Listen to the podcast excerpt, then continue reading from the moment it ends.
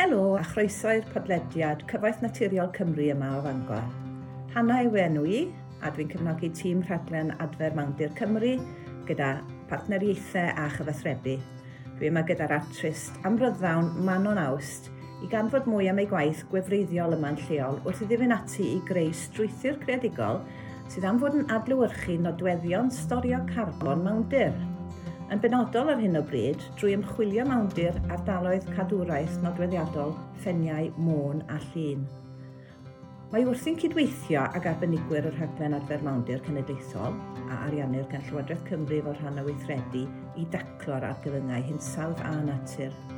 Hynny wrth gwrs drwy gadw'r carbon yn y ddeiar a chaniatau i fio amrywiaeth ailgydio ar fawndir iach.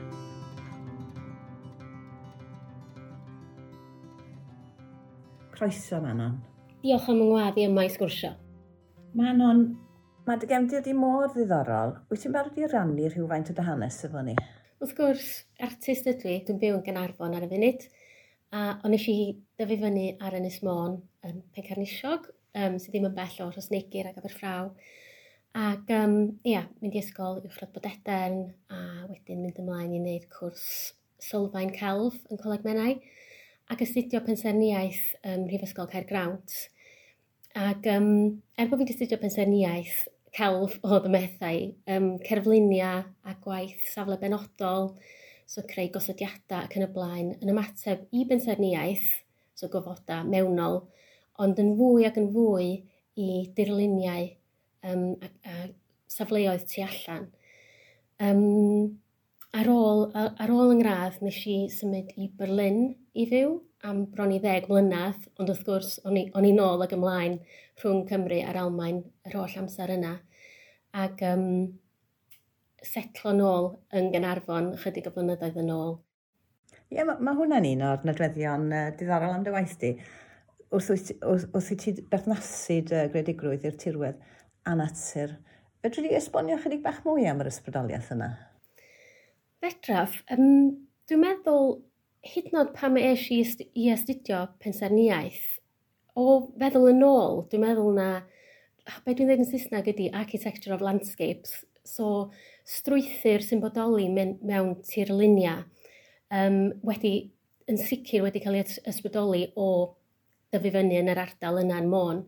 Achos o'n nghwmpas i gyd, ond na gymaint o enghreifftiau o sut oedd pobl wedi bod yn trawsnewid tirweddau ac yn cyd-fyw efo natur um, ar hyd y blynyddoedd, reit wrth ymyl yn hi oedd um, Cromlech Tu Newydd ac Barclodydd y Gawres, y safle neolithic um, ger Aberffraw, ac mae'r ma r, ma, r, ynys i gyd yn llawn o'r safleoedd hynod yma.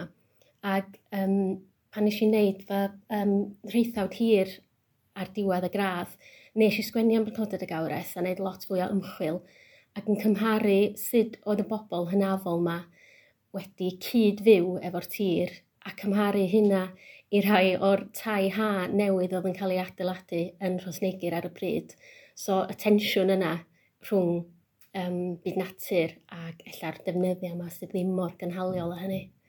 Mae'n hyfryd feddwl bod ti wedi cymryd yr ysbrydoliaeth o dirwedd yn is môn a, a arddangos mewn llefydd fel Berlin ac ati. Ac ar y llawer, dy fod ti wedi dychwelyd nawr hefyd y dalent a dy gredigrwydd i gyfrannu yn ôl i gredigrwydd yng Nghymru ac, ac i ddehongli, ail ddehongli mewn ffordd y dirwedd yng Nghymru mewn ffordd gyfoes a modern. Ie, yeah. a dwi'n meddwl pam Tra o'n i'n byw yn Berlin, hefyd oedd y cysylltiad yna efo tirwedd yn dod ar draws yn y gwaith. Er enghraifft, yn um, 2017, um, nes i a Benjamin Walter, o'n i'n cydweithio fo ar y pryd, um, greu wal o gregin gleision yn ganol Berlin, allan o um, gregin wedi casglu ar y fennau. Felly mae'r ma wal yna dal i fodoli ar sgwar Rosa Luxemburg Platz yn, yn Berlin a mae jyst wedi orchuddio'n llwyr efo'r creglin gleision o'r fennau. So mae bron fel bod fi wedi gallu gadael ddarn o, o dirwedd Cymru yn ganol Berlin sydd yn deimlad reit, reit braf. Gwych. Manon, dwi wrth y modd yn clywed am y prosiect newydd ma'n sy'n gynti ar y gweill. Fedri di esbonio chydig bach mwy amdano fo? Wel, Cerfluniau Corsiog di enw'r prosiect. Ac um, mae wedi cael ei ariannu gyn Cyngor Cyfyddydau Cymru. Ac dwi'n cydweithio efo chi, wrth gwrs, sef Cyfoeth Naturiol Cymru. Ac hefyd um, Prifysgol Bangor yn benodol y Biocomposites Centre yno, sydd yn gwneud lot o waith ymchwil ar ddeunyddiau newydd. Felly, um, wedi ysbrydoli gan Corsydd Môn mae'r gwaith a dwi'n edrych ar strwythyr y corsydd, be dwi'n ffendio yno, sut mae'r corsydd ma'n gweithio, sut maen nhw'n storio carbon, ac y gobaith ydy bod y, y gwaith ymchwil yma a'r cydweithio gyda gwyddonwyr yn um, ysbrydoli cerluniau newydd, a gobeithio fydd y cerluniau hefyd yn gallu storio carbon, ond mae yna lot o waith i fynd pam y corsydd yn benodol i ti? Beth ydy'r uh, sylwedd sydd yn denu ti at y corsydd? Wel, nes i ymweld â corsydd môn yn reiddiol yn 2017 tra o'n i'n ymchwilio i brosiect Y Lle Celf um, yn Steddfod 2017 yn Môn. Ac ar y pryd oedd prosiect Life Corsydd Môn a Llun yn mynd yn ei, yn ei blaen ac yna lot o waith adfer yn digwydd ar y corsydd. Ac o'n i'n ia, o'n i'n meddwl bod yn anhygol beth yn mynd ymlaen, ond nes i benderfynu ar gyfer y prosiect steddfod i ganolbwyntio ar ddeareg môn a gweithio fo geomon. Ond oedd y corsydd dal yn yn meddwl i'n rhywle. Ac um, efo'r gwaith efo'n ngwaith yn creu cerfluniau, o'n i wedi dod i boint lle o'n i'n teimlo bod fi angen creu deunyddiau o'r newydd a deunyddiau sydd yn naturiol ac yn rhoi nôl mewn ffordd i'r amgylchedd. So, um, wrth edrych fwy ar y corsydd a, a dod i ddallt sut mae mawn yn gweithio, ac y cors, corsydd yng Nghymru ydy'r storfeidd carbon fwyaf effeithlon, er bod am lot o gorsydd i gymharu ac dyda ni um, goedwigoedd. Ac dwi'n meddwl bod, bod hynna'n anhygol, ac o'n i'n mwyn gwybod hynna cynt. Ac o'n i'n meddwl, wel, mae yna ffordd yma i godi ymwybyddiaeth ac hefyd ysbrydoli gwaith creadigol. Felly dyna pam Corsydd Môn. Ia, yeah, a wrth gwrs, mae yna mawndir ar draws Cymru sydd yn hynod o amrywiol a wedi mae ffiniau môn yn benodol a rhywiageithau a, a gweddau diddorol iawn iddynt, ond mae rhaid i ti ffocysu ar rhai ardaloedd yn benodol, a un o'r ardaloedd ydy corsbodeilio dwi'n deall yn iawn. Felly, sut wyt ti am fod yn clymu hwnna efo'r gymuned o amgylch y gors? Ia, um, mae ma corsbodeilio um, yn safle arbennig iawn, achos mae'n cysylltu fel mae'n digwydd efo deareg yr ynys hefyd. So, oherwydd bod um, y galchfain o dan, o dan y, y pridd a'r, ar, ar gors, mae'r dŵr yn alkaline. So dŵr melus, um, fel mae pobl leol yn, yn ei alw fo. A sydd yn hybu bioamrywiaeth benodol iawn hefyd um, ag, ag arbennig. Ac mae lot o bobl leol yn, yn, yn gwybod am hyn ac wedi, wedi bod yn ffermio um, yn, ar y tir cyfagos ac mae wedi dylanwadu ar, ar, ar iaith leol hefyd. Mae yna enwa penodol ar, ar um, y planhigion, ar, um, ar tir. Felly, ia, mae, mae hwnna'n fan cychwyn i fi, really, i, i feddwl am y gwaith yma. Ac um, dwi eisiau dod i ddeall y deunyddiau sydd ar y safle'n well. Yn barod efo help um, Dr Peter Jones, da ni wedi cael sampl bach o'r mawn, a dwi wedi bod yn edrych trwy'r microsgop i, i weld um, beth sy'n y deunydd yma. Ac um, Hefyd, mae yna ma lot o wair yn gorfod cael ei dorri yn rheolaeth o'r gors er, er mwyn rhoi lle i'r planhigion fwy arbennig ac amrywiol mae dyfu. Ac dwi'n trio creu rhywbeth allan o'r gwastraff yma, ac dyna lle mae'r gwaith efo'r biocomposites yn dod i fewn i, i greu deunyddiau newydd mewn ffordd. Ond y gobaith ydy i gydweithio efo ysgolion lleol. So, dwi, dwi yn mynd i fod yn creu gweithdau efo disgyblion ysgol talwrn yn mis Mawrth ac Ebrill. Ac um, maen nhw'n awyddus iawn hefyd i fod yn rhan o'r gwaith creadigol. A dwi'n meddwl bod yn bwysig iawn i godi ymwybyddiaeth y genhedlaeth nesaf ac ysbrydoli nhw hefyd a gweld bod y ffin rhwng celf a gwyddoniaeth um, ddim, ia, ddim yna. maen nhw'n gallu dylanwadu i gilydd ac ysbrydoli i gilydd. Ia, a mae'n neis sut mae dy um, ysbrydoliaeth yn plethu pob math o ddisgybliaeth, gwyddoniaeth a, a celf ac ati. Ac um, pegwn hwnnw efallai eleni fydd y Eisteddfod Genedlaethol. Sut wyt ti am fod yn cyfleu hyn yn y Eisteddfod Genedlaethol? Be, fydd, be fyddwn ni'n medru gweld erbyn yr Eisteddfod? Mi fydd na osodiad ar gors bodeilio um, ar ddangosfan o'r Bron Danw yn yr ha, ac rhyw fath o gyflwyniad yn yr eisteddfod. Um, cyflwyniad mewn ffurf cerflun, ond hefyd bosib fydd o'n dŵad ar um, cerddi corsiog, so, um, dod â barddoniaeth i fewn, ac elfen, elfen o'r, or gwaith efo'r ysgolion hefyd. A beth sy'n hynod am dy waith ti? Wyt ti'n plethu'r diwylliannol a'r hanesyddol, yr ieithyddol, yr elfen yna yn biomrywiaeth a yr elfennau celf i dy waith di. Um, pa fath o gynulleidfa wyt ti'n meddwl fydd yn gwerthfawrogi hwn? Dwi'n gobeithio bod beth sy'n cael ei greu yn gallu apelio at gynulleidfa amrywiol iawn. Um, achos dwi'n meddwl bod deunyddia yn rhywbeth sydd yn cysylltu efo pawb. Um, mae ti hwn ti i iaith, so um, dwi'n gobeithio bydd iaith ddim yn, ddim yn um, creu rhwystyr. Um, o'n i siarad efo Bethan Wyn Jones yn, yn ddiweddar ar y gors, a mae hi wedi bod yn gwneud lot o waith efo'r gymuned leol Merched o Awr, er enghraifft, ac wrth gwrs y, y, y disgyblion fwy ifanc. Felly, um, ia, fel dwi'n dweud, dwi'n gobeithio fydd yn apelio at nifer fawr o bobl. O, oh, mae'n swnio mor gyffroes. Edrych ymlaen i weld datblygiad y gwaith. Lle fyswn ni'n gweld datblygiad y gwaith? Da chi'n anfon rhannu hyn? Yndw, Dwi'n dwi, rhannu delweddau yn um, gyson ar Instagram ac fydd yna um, didalen ar fy ngwefan ni hefyd yn, yn, yn ddogfen o'r, or gwaith ymchwil.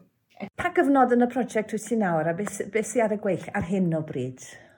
Wel ar y funud, wneud y, um, yr ymchwil ar y deunyddiau dwi dwi wedi dod o potyn bach efo fi'n yn fama, a o'n i yn yr um, laboratory biocomposites ddoe, a hwn sydd wedi dod allan, so sampl cynta o biochar. A dwi'n mor hapus, mae'n sampl bach iawn ydy, dwi'n gwybod hynna, ond dwi'n mor hapus bod wedi troi allan fel oedden isio.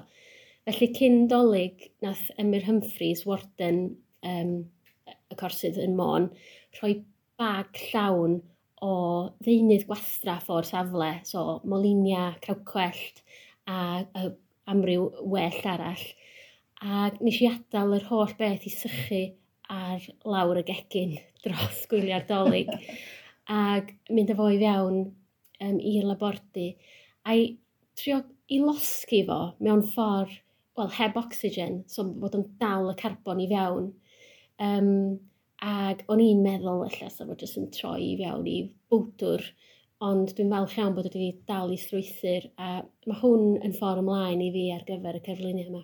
A mae mor gyffroes, dwi'n dal y potyn ma'ch gwydr yma a mae yna briciau man i'n man iawn o ddeunydd di. A wedyn, pan ti'n cyffwrth o, mae o'n droi yn bwdwr yn dydy. Mae fatha charcoal. Yndi, fel charcoal, yeah. yndi.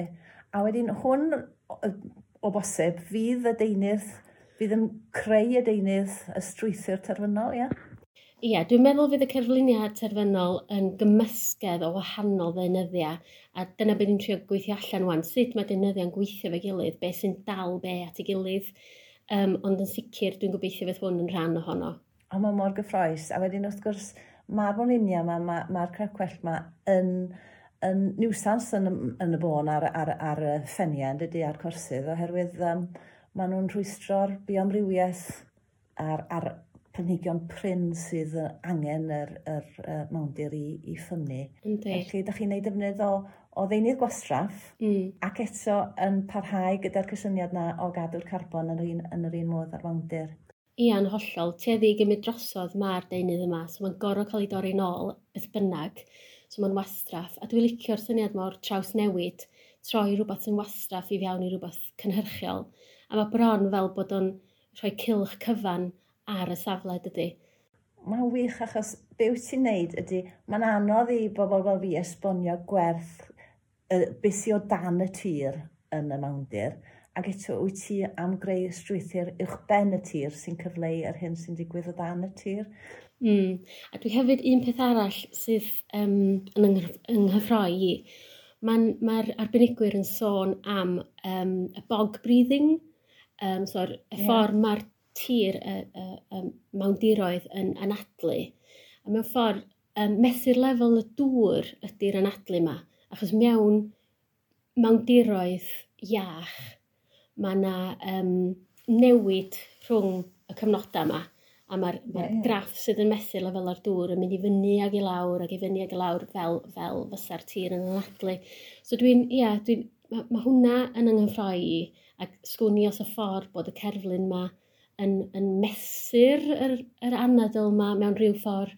Felly, ia, mae'n yna lot o ffyrdd fydith, fydith y prosiect fynd. Mae'n dod o ti yn mewn cilch cyfan wedyn i'r fan ddiar eto efo'r busnes anadlu. Mm, mm.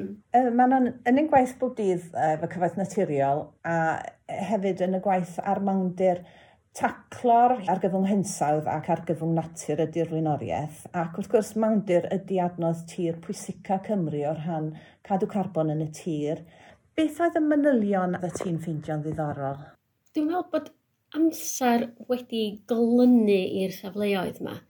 Felly mewn medr o'r mawn, o'r ddeiar yma, mae yna fil o flynyddoedd o fiawn hynna wedi cael ei gasglu. Ac wrth gwrs mae'r mae mwsog, mae'r migwyn, um, hwnna sy'n cynnal yr holl ecosystem, mae fel sponge sydd yn dal llwyth o ddŵr. Ac wrth i'r planhigion ddisgyn a, a marw, maen nhw'n um, ma nhw cael eu dal ac yn, ac yn dal y carbon mae fewn. Felly mae yna rhywbeth am um, amser a y cynhwysion gludiog diddorol yma. Dwi'n meddwl hwnna sydd wedi'n ysbrydoli um, ac wrth gwrs o wrth sefyll yna fel um, ymwelydd, di hynna ddim yn amlwg i ddechrau fo yna di. Mond pan ydych chi'n dechrau tyrchu yeah. a dechrau edrych yn fanylach, mae hyn yn, i gyd yn dod i'r amlwg. Ac oherwydd bod y mawmdiroedd mor, mor bwysig, um, dwi'n meddwl na dyna pam o'n eisiau'r prosiect yma i ddatgelu chydig o'r cyfrinachau yma. Ydy, a mae'n wyfriddiol pan, pan ddech chi ar y mawnder a wedyn ddech chi'n cael y, y peat sample o'r peat cor gen Dr Roswen Leonard neu Dr Pete, Peter Jones.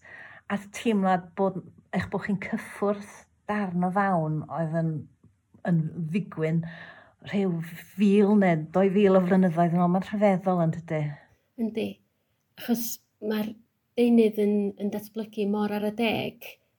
Um, mae 1 mm yn datblygu bob blwyddyn. Felly, os ydych chi'n edrych ar fedr, mae hynna'n fil o flynyddoedd oed. Um, ac wrth gwrs, mae hynna'n dogfennu perthynas pobl efo'r tir dros y cyfnodau eang yma. Felly, maen nhw'n dal, maen nhw dal yn hanes ni fel, fel pobl ar yr ynys. A, a mae hwnna yn berthnasu hefyd, wyt ti hefyd yn fardd a mewn ffordd mae'r ma, ma holl elfen yna o heinau ac ati wyt ti'n ti, edrych ar yr ochr wyddonol, ond hefyd wyt ti'n farn hefyd, a mae'n siŵr bod, bod hynna'n ysbrydoliaeth i ti o'r rhan edrych yn ôl a edrych ymlaen a gweld heinau mewn hanes a bodolaeth dyn a'r dyfodol hefyd o'r rhan bygythiad i ni yn y dyfodol. Yn sicr, dwi'n meddwl bod yna eirfa anhygoel yn gysylltiedig efo'r safleoedd yma. A dwi wedi bod yn casglu, dwi wedi bod yn gael nhw'n geirfa gorsiog, dwi wedi bod yn dechrau sgwennu cerddi corsiog. So mae'r mae, safleoedd ma'n yn ysbrydoli mewn mwy, mwy nag un ffordd.